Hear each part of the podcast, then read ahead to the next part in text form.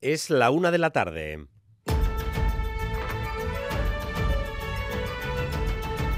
Crónica de Euskadi con Dani Álvarez. Arrachaldeón, noticia de alcance en el ámbito de la educación. Serunión, la empresa que elaboraba los menús escolares que desataron la preocupación entre las familias por varios incidentes con la comida en mal estado, dejará de prestar servicio en las escuelas vascas. La empresa y el Departamento de Educación han alcanzado un acuerdo para cancelar el contrato. Natalia Serrano. Así es, Reunión, por lo tanto, abandona los comedores escolares vascos. A partir del 5 de febrero serán otras empresas las que asuman el servicio de todos los cuatro lotes que gestionaba.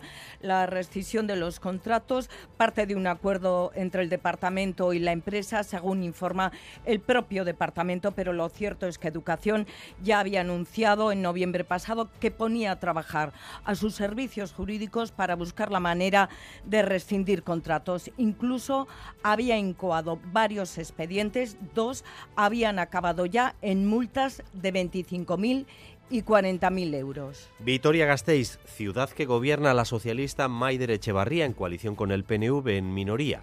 Gracias a los votos del Partido Popular, podría tener nuevos presupuestos este año gracias al apoyo no del PP, que apoyó a la alcaldesa, sino de EH Bildu, que había sido la fuerza más votada. Miquel Saez. Si finalmente se confirma este pacto presupuestario con EH Bildu, se produciría un vuelco en la política de pactos del consistorio Gasteiztarra, ya que hasta el momento el gobierno municipal de coalición que lidera Maider Echevarría se ha venido apoyando en el Partido Popular. Lo cierto es que el acuerdo presupuestario entre PSE, PNV y EH Bildu está cercano. Las, esta mañana las tres formaciones han respaldado retrasar el debate de las enmiendas al proyecto presupuestario para cerrar los últimos detalles y sellar el pacto. Esta mañana estado aquí en Radio Euskadi el candidato de Euskal Herria Bildu Pello Chandiano, y su planteamiento en cuanto a los pactos es totalmente abierto, aunque la vía que más le gusta es la Navarra, que incluye también al PNV en el abanico de las alianzas, pero su principal premisa es excluir a la derecha.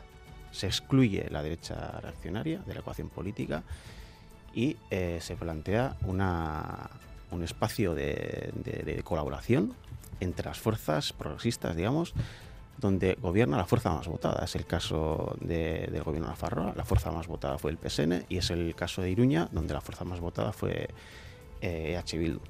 El PNV está en esa ecuación en Nafarroa. A Eh, través de Abay. 25 años después, la familia de Manuel Zamarreño, concejal del PP en Rentería, asesinado por ETA con una motobomba, aspira a lograr justicia y reparación al juzgarse a los presuntos autores del atentado en un nuevo juicio. Madrid, Miquel Arregui, los acusados no han querido declarar. Así es, ni Xavier García Gastelú ni Irantzu Gallastegui han querido responder ante el tribunal por el atentado que acabó con la vida del concejal del PP en Rentería, Manuel Zamarreño. En la primera sesión del juicio han comparecido el escolta que resultó herido en este atentado, así como los herchañas que acudieron al lugar de los hechos. La familia de Zamarreño, presente hoy en la Audiencia Nacional, cree que la celebración del juicio, 25 años después, es un logro a favor de la verdad y la justicia.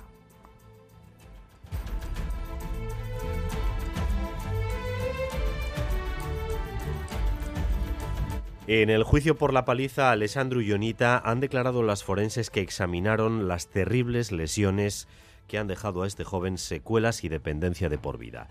Y no han puesto demasiadas dudas sobre las intenciones de los agresores. Le dieron todos los golpes en la cabeza, con todos los objetos contundentes que tenían a mano. Y si no tenían ninguno, a patadas. Como ha dicho mi compañera, estaban todas las lesiones descritas En la claro, cabeza. En la cabeza. Nosotros esta persona Cráneo faciales, todas. Fracturas de bóveda craneal, concretamente frontal, parietal, temporal, izquierda.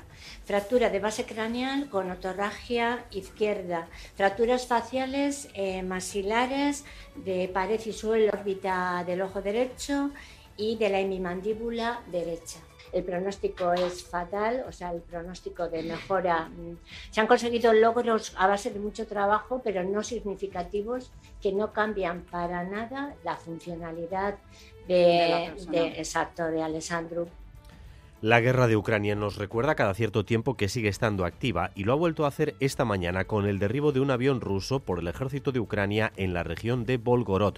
Unos y otros defienden en la versión qué había dentro del aparato. Oscar Pérez. Moscú ha admitido que el avión ha sido derribado por misiles, pero asegura que en el interior del aparato viajaban 65 prisioneros ucranianos que iban a participar en un intercambio, tres acompañantes y seis miembros de la tripulación. El mando militar de Ucrania, sin embargo, afirma que el aparato transportaba misiles S-300 para ser utilizados en los ataques sobre el país. Lo cierto es que la aeronave es un avión de transporte militar pesado y la región en que se ha producido su derribo, Belgorod, ha sido objeto de múltiples ataques por parte de Ucrania en el último año y medio. Eh, Chepare Euskal Instituto ha puesto en marcha un nuevo portal en Internet con el objetivo de difundir internacionalmente la literatura en euskera. El portal está íntegramente en inglés y viene a completar la convocatoria de ayudas que Chepare destina a la traducción de obras, de obras literarias publicadas en euskera.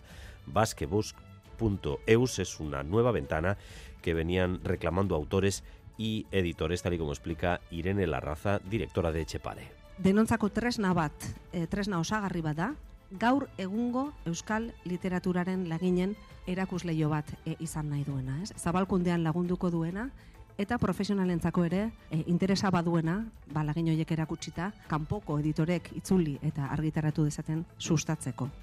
Y en el deporte, en la Copa César Pérez de Gazolaz, que siga la fiesta, ¿no? Pues sí, Arrachaldeón. la fiesta Arrachaldeón, Dani, porque ayer anoche la Real Sociedad se clasificaba para las semis.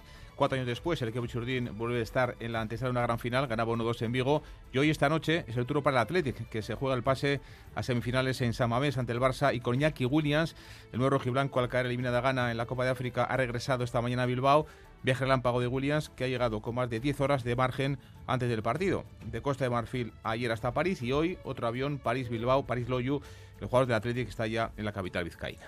La fiebre que desata la Copa se comprueba una vez más, por ejemplo, en que en Guipúzcoa ya se están haciendo reservas para la final en Sevilla y que en Vizcaya muchos seguidores han trabajado hoy a doble pantalla, en una currando y en la otra haciendo seguimiento del vuelo de Williams para ver si llegaba a tiempo para jugar Eder Menchaca. Es la locura por su llegada, como si del Air Force, One, eh, Air Force One se tratara. Su vuelo privado París-Bilbao ha sido el más seguido del mundo. Ha generado que miles de personas lo siguieran desde la pantalla y comentaran la trayectoria de los dos aviones a los que se ha subido el delantero en las últimas 12 horas. A las 11 y 10 de esta mañana, al fin ha aterrizado en el aeropuerto de Bilbao.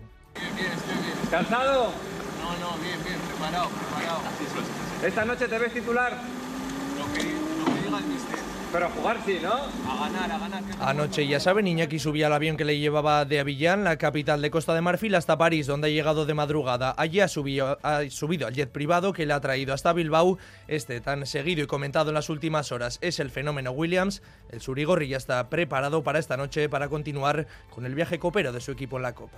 Y en tráfico, precaución si circulan por la AP1 en Legutio porque siguen las retenciones tras un accidente entre dos camiones ocurrido esta mañana. Uno de los carriles en sentido Vitoria sigue cortado, la Ertzaintza regula el tráfico. AP1 Legutio sentido Gasteiz. En cuanto al tiempo, hoy tenemos otro día de cielos despejados, sol, temperaturas templadas, especialmente en la costa y 17 grados ahora mismo en Donostia o Bayona, 16 en Bilbao, 11 en Vitoria-Gasteiz y en Iruña. Gracias un día más por elegir Radio Euskadi y Radio Vitoria para informarse. Raúl González y Yayone Menjón se encargan de la dirección técnica y Manuel Manterola de la coordinación. Crónica de Euskadi con Dani Álvarez.